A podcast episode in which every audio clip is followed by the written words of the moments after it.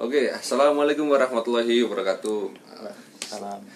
Ya, eh, selamat Sore. sore kepada sobat Atapita di mana pun kalian berada. berada. Eh, bertemu lagi dengan saya Hisham dan rekan saya. Ido Fiantika. Oke, di sini kita juga kedatangan tamu yang spesial untuk seri kali ini. Ya ini apa ya?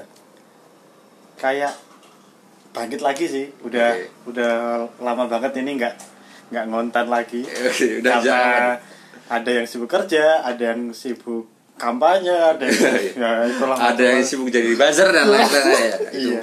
Eh, punya kesibukan sendiri. Jadi eh, kali ini kita akan sedikit membahas tentang financial planning bersama salah satu tamu spesial kita yaitu namanya Mas Bagas. Bagas Halo ya, Mas. Halo kak, Oke. ini manggilnya kak aja ya biar Iya, oke, lebih akrab gitu Kak ya. Bagas ya berarti. Oke, Kak Bagas. Mungkin pertama bisa kenalan dulu nih Kak Bagas nih. Eh, siapa backgroundnya dari mana dan lain-lain gitu, Oke, Uh, perkenalkan aku Bagas Arya Wiguna, aku salah satu mahasiswa di IAIN Pekalongan jurusan akuntansi dan pernah mengikuti organisasi terkait tentang investasi yaitu KSPM yang mana di dalamnya juga membahas tentang financial planning untuk ke depannya. Oke teman-teman, jadi kita memang sekarang uh, untuk seri kali ini atau kita akan membahas tentang financial planning. Jadi ini pembahasan yang berangkat dari uh, permasalahan-permasalahan yang dialami oleh beberapa, uh, beberapa kalangan, beberapa kalangan, mungkin dari yang udah kuliah atau yang Sudah udah kerja atau mungkin uh, dari siswa sekolah uh, dari SMA atau SMP dan yang lainnya yang ingin belajar tentang mengatur bagaimana mengatur keuangan agar uh, bisa teratur dengan baik. Nah seperti itu.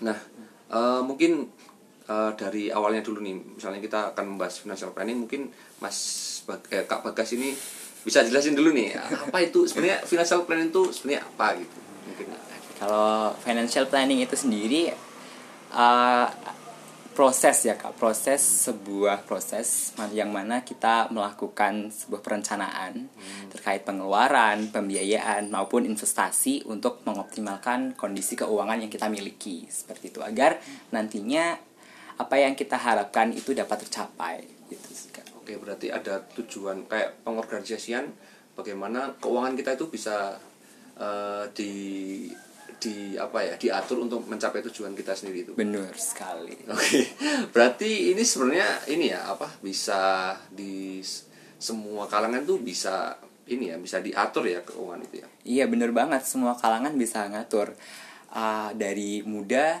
ataupun tua bahkan financial planning itu sangat dibutuhkan tidak hanya untuk individu tapi juga untuk perusahaan maupun organisasi seperti itu kak Oke, oke, mungkin lebih luasnya bisa ke organisasi, perusahaan. Bener dan banget. Oke. Oke, berarti sebenarnya ini uh, untuk bisa ya intinya bisa untuk semua kalangan lah ya dari mungkin anak anak-anak SMA yang mau ngatur keuangannya misalnya mau beli sepatu gitu kan. Ya, oh iya bener dengan banget dengan pemasukan, pemasukan berapa.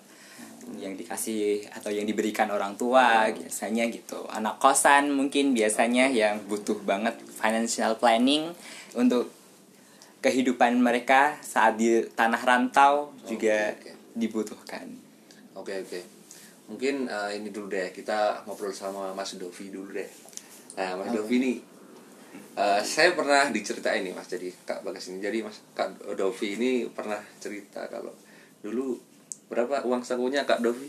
Wah, dulu waktu ngekos tuh ya mau dipercaya apa enggak tapi dulu aku waktu kuliah di Jogja itu satu bulan cuman setengah juta.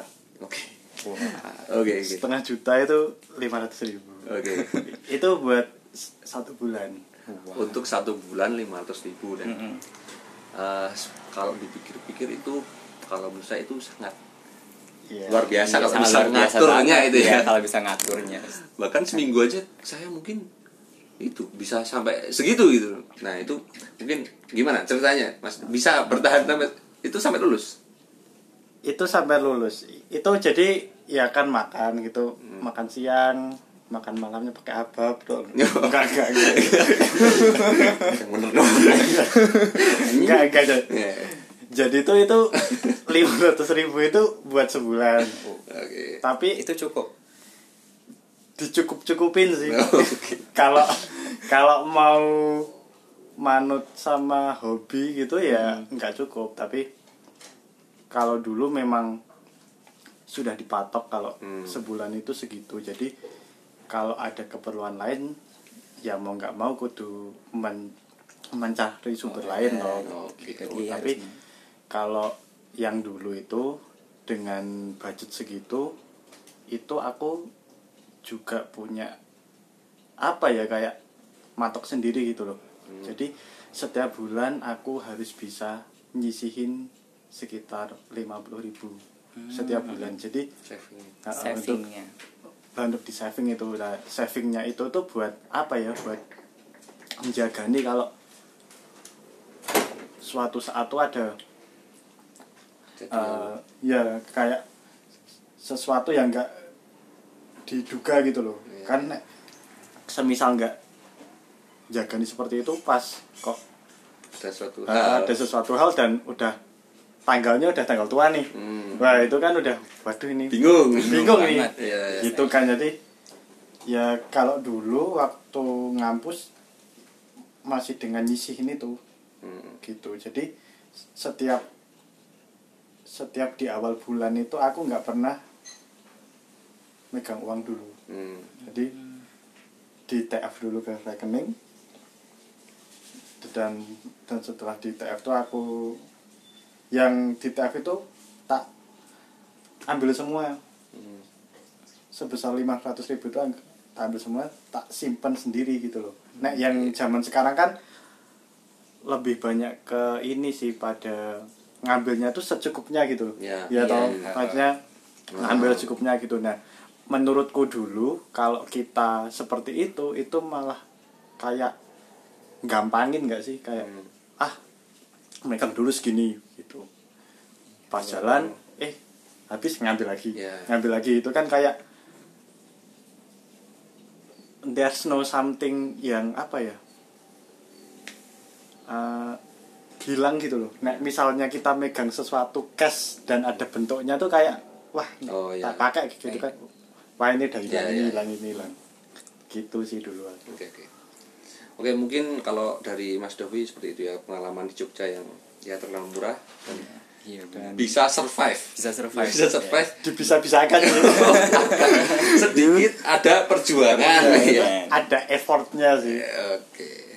Tapi tapi bisa dengan eh, jadi Mas Dovi ini di nyambi nyambi jadi Iya.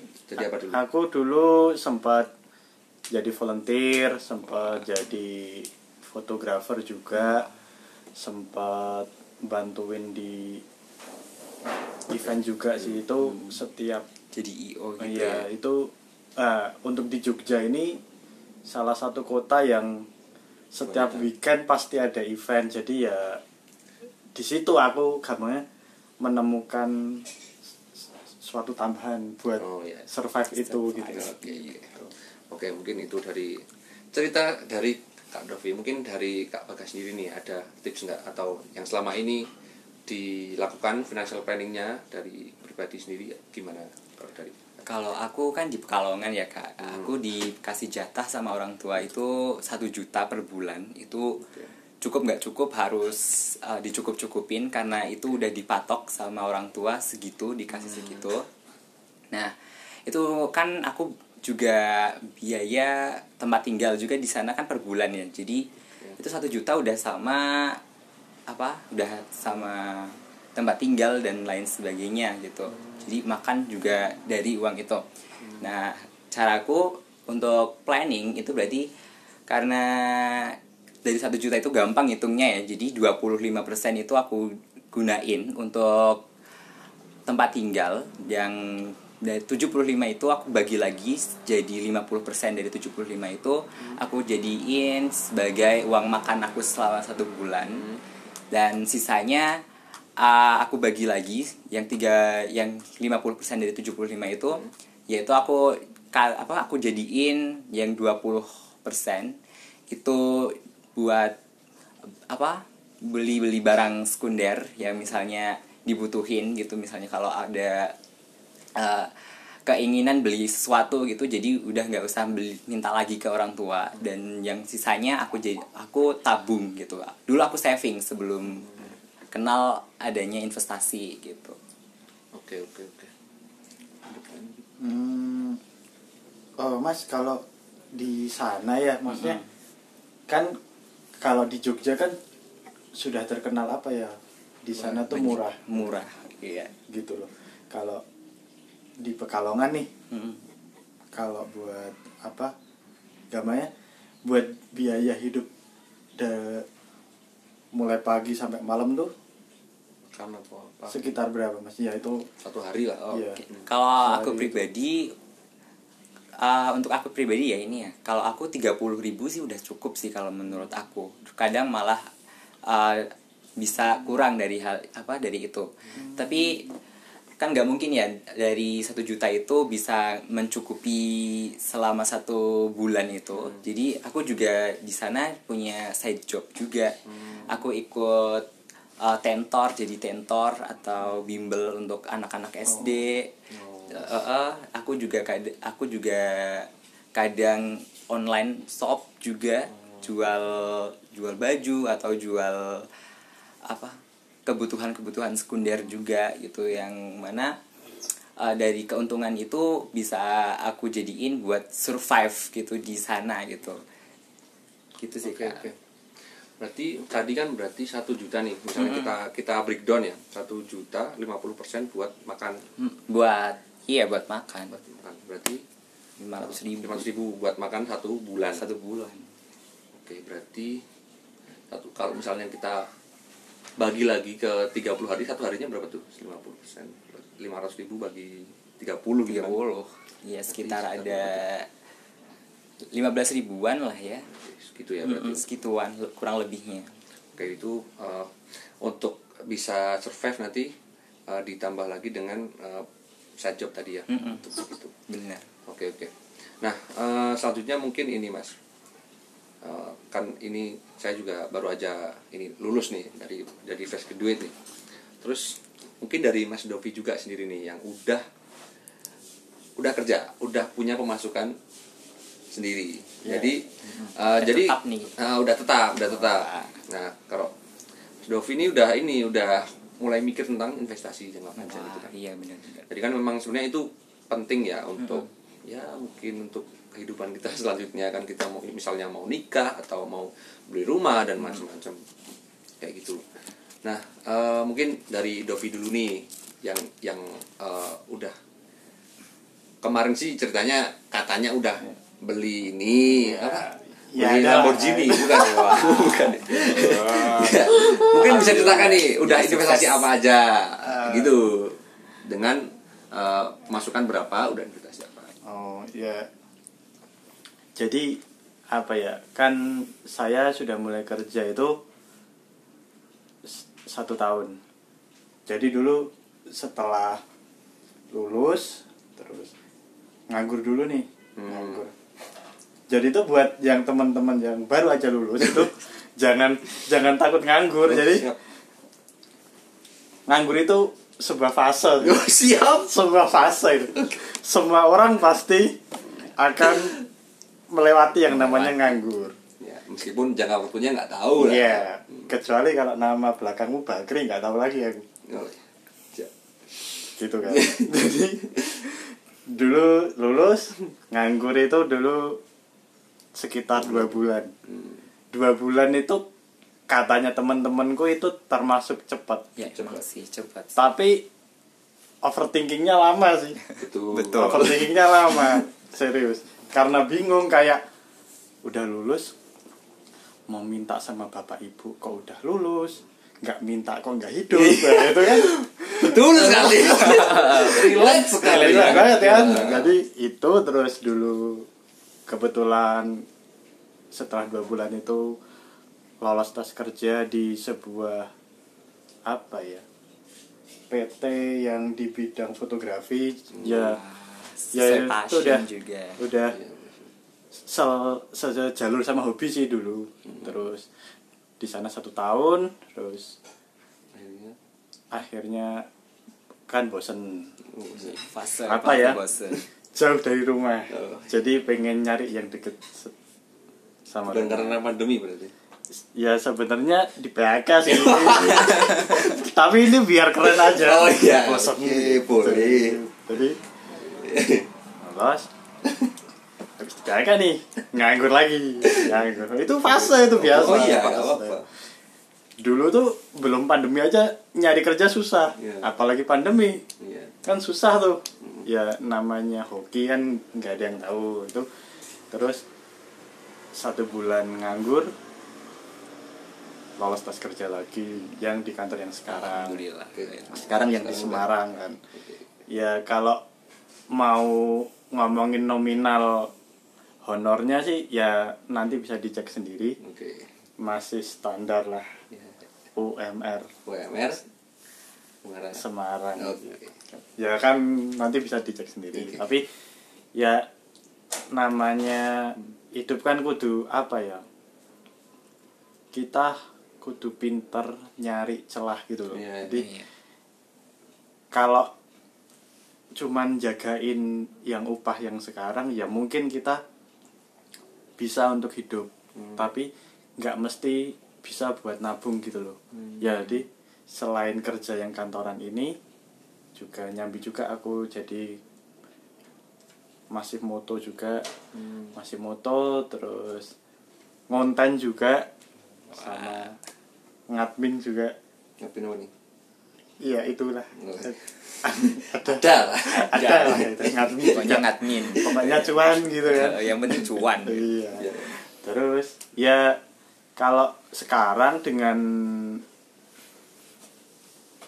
income yang sekarang ini buat ngatur financial planningnya tuh aku masih pakai pakai ini sih. Aplikasi. Ya dibantu pakai aplikasi juga. Itu kalau ngaturnya sendiri aku pakai metode yang 50 30 20 Mm-mm. apa tuh. Nah jadi 50 sama nggak sih hampir sama. Hampir berarti. sama kan? Iya. Ya sebenarnya yang metode itu yang paling mudah sih menurutku. Jadi Benar, sama aku juga setuju. Eh, eh, toh. dan yang 50 itu untuk ya yang seperti makan. Kebutuhan primer lah. ya yang paling utama dulu yang 30 ini buat eh, emergency emergency ya yang 20 ini buat saving. Hmm. Nah, yang 20% ini kalau aku itu apa ya? Udah fix 20 ini nggak bisa di otak-atik. Jadi 20 ini aku sisihin setiap setelah gajian. Hmm. Itu tak simpen sendiri dulu. Pisahin gitu. Nah, nanti untuk keperluan kayak kos dan segala macam transport mungkin ya sama nyicil-nyicil itu Mm-mm. Yang cicilan itu juga tak tak singkirin sendiri. Nah, yang 50% ini saya ambil setelah saya potong dari semuanya gitu Iya, Oh, gitu. gitu. Jadi oh, misal nih standar Semarang 10 juta 10 juta. 10 juta. Wah, 10 juta Besok itu nek saya jadi presiden itu 10 juta. Misal. Misal ini 10 juta nih, 10 juta. Terus Invest udah diambil buat yang cicilan bayar kos semua itu anggap aja itu 4 juta. Nah, jadi kan masih sisa 6 juta. Nah, yang dari 6 juta ini 50 persennya itu buat hidup terus yang 30 persen buat oh oke. emergency yang 20 ini buat di saving gitu. Nah. berarti setelah dikurangi macam-macam itu baru di 50 30 Iya, heeh. ya karena apa ya yang namanya kayak bayar kos, terus bayar cicilan gitu kan. Itu sesuatu yang setiap bulan wajib kan. Jadi kalau nggak di disisihin dulu nanti malah kepakai kan malah bingung lagi toh. Gitu sih aku buat ngatur buat planning. sekarang iya. nah terus sekarang investasi udah apa aja nih yang udah diinvest sekarang kelihatannya sih udah banyak banget sih Iya, iya. yang Apa ya? investasi Aku- pahala ada nggak nih? Aku ini sih amal jariah sih aku. Sama kopiah subuh boleh. Iya. lebih dari dunia dari sisinya Iya, masuk. Pasal Kristen. Lah Astagfirullah. jangan jangan jangan jangan. ini nanti dikat dikat dikat parah parah. Ya ya kalau invest itu apa ya aku? Aja eh, apa ya? Ya sudah ada sih mulai bulan kemarin itu udah mulai nyoba buat invest. Jadi banyak yang bilang kalau wong Jawa wong Jawa kui menabung itu dengan cara nyicil. Hmm. ngerti nggak? Jadi kan sok-sokan malah kalau diniatin buat nabung tuh malah sok lupa nggak sih sok kepake gitu. Tapi kalau kita nyicil itu kayak kita tuh nabung atau bayar kos tapi lama-lama jadi milik kita gitu loh. Oke. Mudah nggak? Jadi ya se- sebenarnya le- lebih enak lagi kalau ya memang kita sudah ada dan dibayar cash itu lebih Hmm. enak. Tapi kan nggak nggak semua manusia mempunyai kemampuan itu gitu loh. Jadi Oke. ya. ada yang yang milih menabung dengan nyicil sesuatu itu biar Oh, iya iya. Berarti dari apa ya? gitu. ya biar apa ya? Biar buat bisa kita semangat nabung semangat kerja juga kan? Kayak apa? Sambil kerja itu sambil mengejar goalnya kita gitu loh. Nah setiap manusia juga goalnya itu kan pasti beda-beda gitu. Hmm. ada yang goalnya nabung pengen beli mobil ada yang Ya. pengen beli rumah pengen nyeneng ke bapak ibunya gitu kan Ya. itu pasti berbeda-beda terus apa lagi nih Nah investasi selama ini apa aja?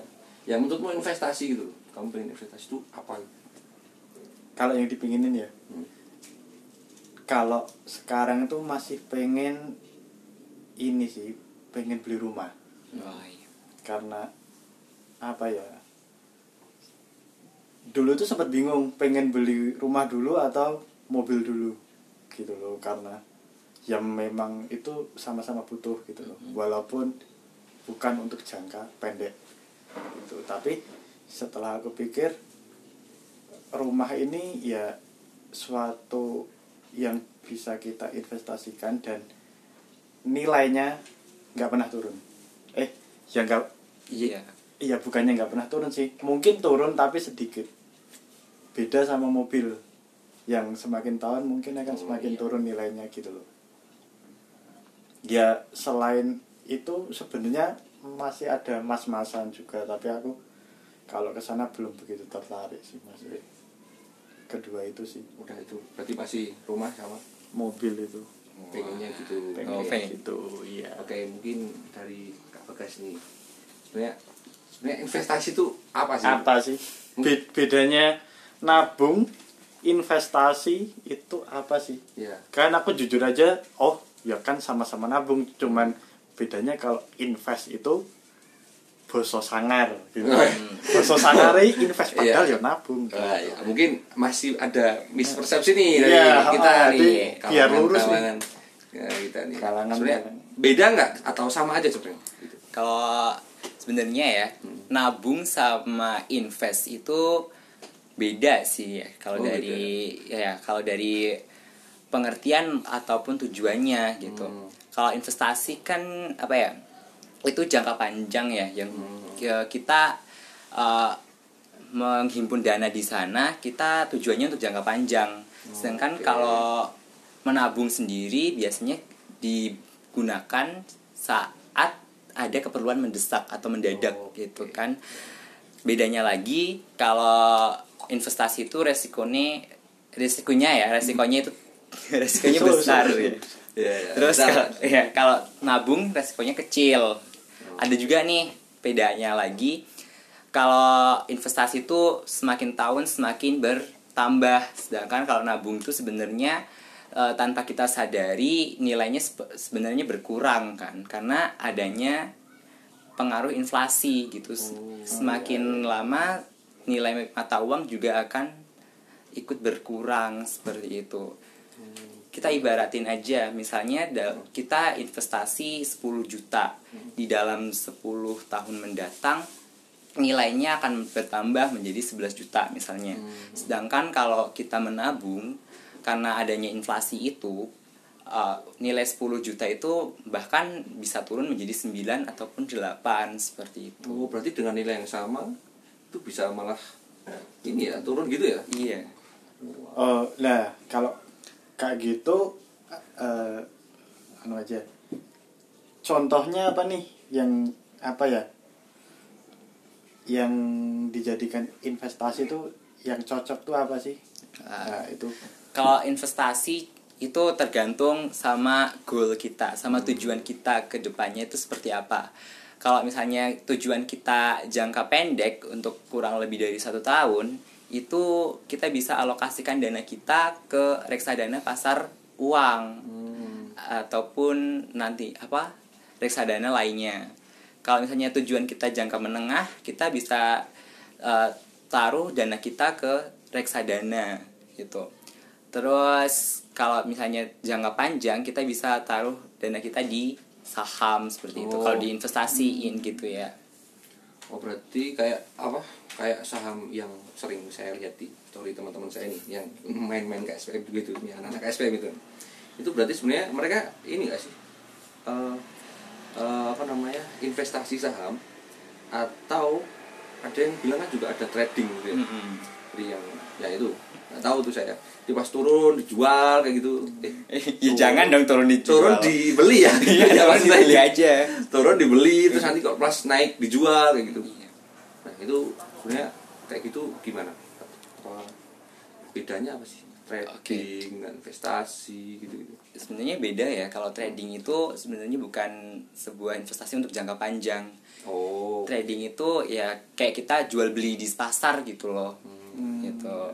Kalau investasi kan tujuannya kita untuk jangka panjang ya untuk apa eh, kita membeli lebih dari atau kita menghimpun dana itu di lebih dari satu atau beberapa jenis aset gitu yang kita himpun dalam waktu tertentu lalu untuk jangka waktu biasanya panjang gitu kalau trading itu seperti ya kita jual beli aja di pasar kayak Oh, biasanya wow. gitu Hmm. dan itu sebenarnya ya ada juga sih yang menamakan trading itu kalau misalnya itu terlalu tinggi itu bisa ya kalau di ada bahasan ya nanti ya ada juga trading sebenarnya yang tidak diperbolehkan di dalam syariat gitu oh ada juga Mm-mm. karena apa ya itu seperti judi ya Oh. gitu itu yang membuat banyak orang berspekulasi bahwa kita berinvestasi saham itu judi karena Iya, ha, ha, ha. Heeh, Pernah itu dengar kan- tuh. iya kan pernah dengar kan Mm-mm. berinvestasi saham itu judi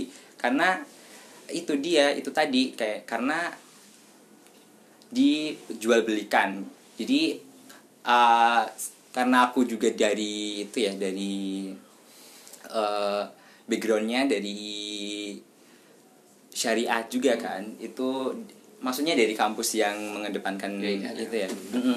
itu itu ada aturan saat kita ingin trading itu uh, ini kita pakai SOTS syariah online trading gitu. Oh. Ya, dengan sistem syariah gitu. Oh, sistemnya ya ya, ya syariah. sistemnya syariah gitu. Bisa trading dengan sistem syariah gitu. Caranya ya kita beli di hari ini kita jual tiga hari lagi itu seperti itu jadi nggak jual belinya nggak di waktu yang sama gitu biar tidak menyebabkan adanya itu spekulasi judi gitu. Oke oke. Ini Dovi kayaknya mau kamu kan kemarin katanya mau nanya tentang ini saham. Apa? Oh enggak sih. Apa gitu. Jadi tuh ya kan memang sekarang tuh masih hype banget ya, Ya, banget, bahas- banget sih. bahas saham gitu tuh wah itu Nah, keren kayaknya ya, keren kayaknya. banget wah. Iya. tapi tuh kalau di tongkrongan kalau di tongkrongan tuh kan Mm-mm. aduh nih lagi naik nih ya, sahamnya ya, nih. sama apa? antam apa apa gitu kan. Antam apa BCA apa apa gitu kan. tapi itu yang mereka obrolin tuh nggak paham aku anjing. sebenarnya tuh aku apa ya pengen belajar saham aku pengen belajar saham tapi cuman biar bisa gabung aja biar biar iya. gabung tongkrongan aja tapi buat buat terjun ke ke saham itu sendiri itu tuh belum mantep gitu loh nah nah buat yang saham yang syariat ini pun aku syariah syariah baru dengar ini Oh iya. Bo? iya Oh, aku, aku iya aku belum pernah dengar setauku cuman bank bank ya kan Syariah. ya nek di Oh, iya. bank syariah itu kan Eh. ada namanya bagi hasil Ya, ada oh, bagi iya. hasil ada apa itu toh nah nek yang masalah saham yang saham sa- syariah ini tuh ya nembe ini nembe denger ini gitu nah yang mau ditanyain kalau kan aja sih buat kalau buat yang mau terjun ke saham sendiri tuh yang disiapin tuh apa sih? Ya nek setauku kan yang main saham itu yang punya dana iya gitu. dia punya Punya dana dana, heeh. nggak yang butuh dana nggak sih? Yang sudah Yang punya butuh dana. dana usahanya. iya heeh. jadi gampangannya wong sing turah duit gitu loh. Sing yang yang masih kita tahu ya? Iya yang masih kita tahu tuh sing wong dolanan saham ya wong sing turah duit. Kayak gitu. kudu wong sing pengen golek duit gitu loh. Mm-mm. nah, sebenarnya tuh kalau mau terjun ke dunia saham itu yang di perlu disiapkan itu apa sih gitu loh? Kalau aku pribadi dengan tanggapan yang tadi eh, masuk ke dunia saham harus punya dana gede ya itu ada benarnya juga. Tapi juga sebenarnya ada salahnya juga sih. Karena saat kita udah masuk ke dunia investasi pasar modal ataupun saham gitu sebenarnya butuh yang dibutuhkan itu rencana kita. Sebenarnya kita kita mau investasi itu untuk apa rencananya? Untuk jangka waktu seberapa lama gitu. Kalau dengan anggapan ski, seperti itu yang mana me- yang bilang apa dananya banyak. Sebenarnya nggak juga sih karena uh, banyak kok dari anak-anak muda gitu yang mulai-mulai nabung saham itu mulai dari uh, receh-receh gitulah. Paling dari sisa-sisa hasil dari dia dikasih orang tuanya terus sisa-sisa dia dari untung jualan atau gimana gitu. Biasanya eh, anggapan itu bisa ditepis dengan kita beli saham yang bagus ya yang harganya juga masih di atas di bawah rata-rata di bawah gitu loh. Oke. di bawah 100.000 ribu kan ada banyak saham yang seperti itu Oke. Berarti ada ini nggak ada patokan kayak minimal misalnya mau masuk mau mainan saham nih ada berapa gitu misalnya lima ribu atau satu juta atau ada minimal berapa nggak Oke. Kalau di untuk mahasiswa sendiri itu minimal 100.000 ribu bisa kita langsung Udah bisa ya? bisa kita eh, menghimpun atau menginvestasikan dana kita di pasar modal. Ada juga yang kalau udah kerja itu biasanya eh, dibutuhin itu sekitar 500.000 ribu buat eh, mulai berinvestasi Oke. Itu berarti kan sebenarnya ini ya tergantung nanti kan semakin banyak sebenarnya semakin ini kan ya. Misalnya kita invest 500 ribu nih, Hmm. nanti pas harganya naik itu bisa bisa sa- bisa jadi berapa gitu kan? Bisa jadi apa marginnya itu loh. Oh iya, bisa, Ya. bisa. Jadi tergantung gitu kan. Misalnya kita invest cuma 100 ribu ya jadinya ya baliknya dikit gitu loh. Iya. Segak sebanyak yang 500 ribu kayak gitu kan. ribu sebenarnya. iya ya, itu juga faktor penentu dari banyak sedikitnya keuntungan kita Oh iya gitu maksudnya. Oke. Iya. Kalau Olga sendiri mainan saham juga nggak? kalau sekarang iya masih Oh masih. Mm-mm. Itu dari kapan? Sejak kapan tuh? dari tahun 2018 ya dari semester 3 Berarti udah dua tahun ini. Eh, udah mau tiga tahun. iya Oke. jadi itu awalnya ya itu juga sih aku dari dikenalin sama temenku yang udah eh, melalang buana gitu Hmm. wow itu di sana gitu ditawarin ikut aja invest aja apa Hmm. ditabung lah sebulan sekian gitu terus aku tadi ini ya masih oh iya nanti nanti dulu gitu. Iya. aku harus uh, tahu dulu dalami dulu apa itu investasi. Jadi Oh. nggak hanya jadi aku terjun nggak hanya ikut-ikutan tergesa-gesa Oh, iya, iya, gitu. betul, betul. iya. Aku belajari dulu aku pelajarin uh, produk-produknya apa aja yang cocok buat mahasiswa itu apa sih gitu. Aku pelajarin dulu semuanya. Saat atau apa itu, sudah paham udah sedikit paham lah ya istilahnya. Yaitu aku mulai terjun dengan modal 100.000 ribu untuk uh, beli salah satu perusahaan gitu. Jadi sekarang udah ini nih, udah banyak nih. ya nggak banyak banget sih.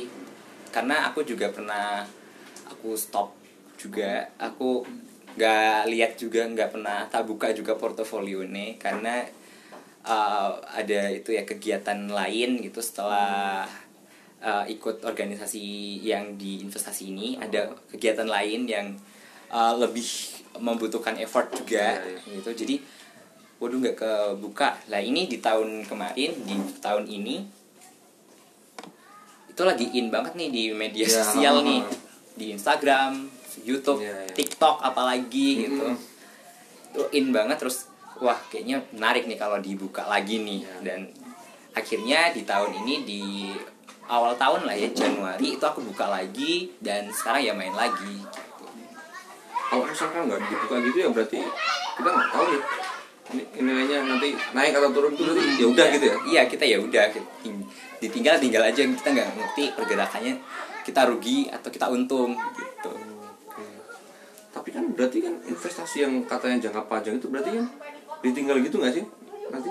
Misalnya boleh boleh jangka waktunya Kalau- lima tahun atau berapa Hmm. gitu.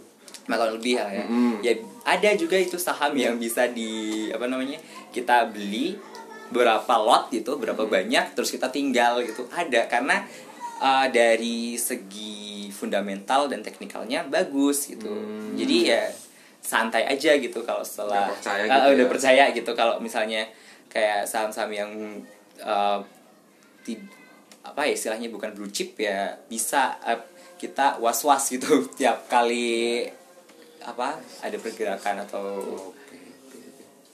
Berarti sebenarnya kalau untuk saham-saham yang beratnya kita udah tahu Familiar. perusahaannya udah bagus Ah. nih, berarti kita sebenarnya nggak harus eh, khawatir dengan kayak khawatir banget lah. Mm-mm, bener Yang kita percaya aja gitu berarti. iya Jadi misalnya berarti gini, misalnya gini mas, misalnya saya pengen investasi di BRI atau BRI lah kata BBRI, ya. Eh, BRI.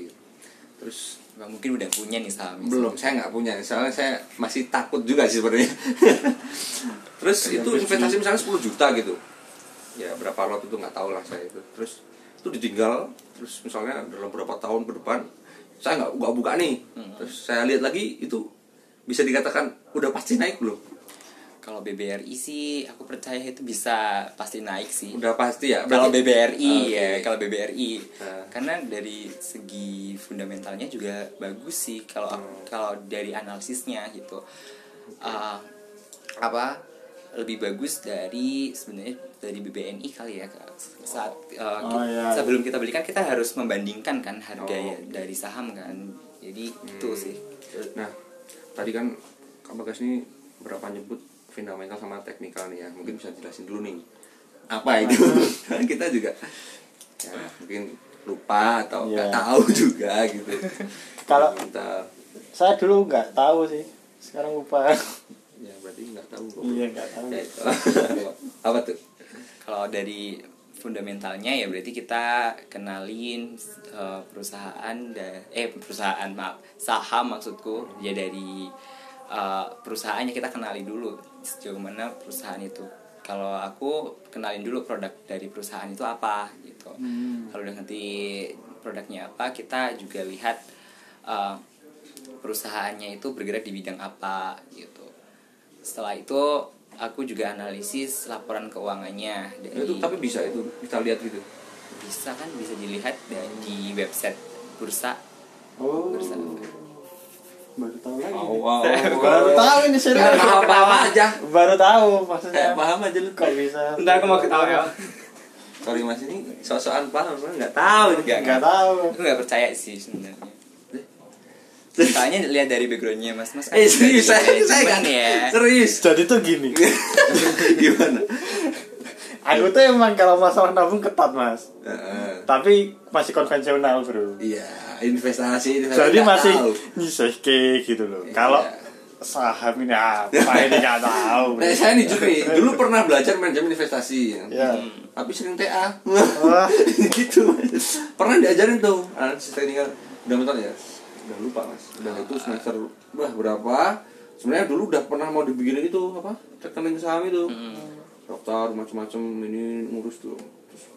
Karena yang ngurus nggak tahu nih, nggak jelas. Ya udah akhirnya sampai sekarang. Nggak jelas.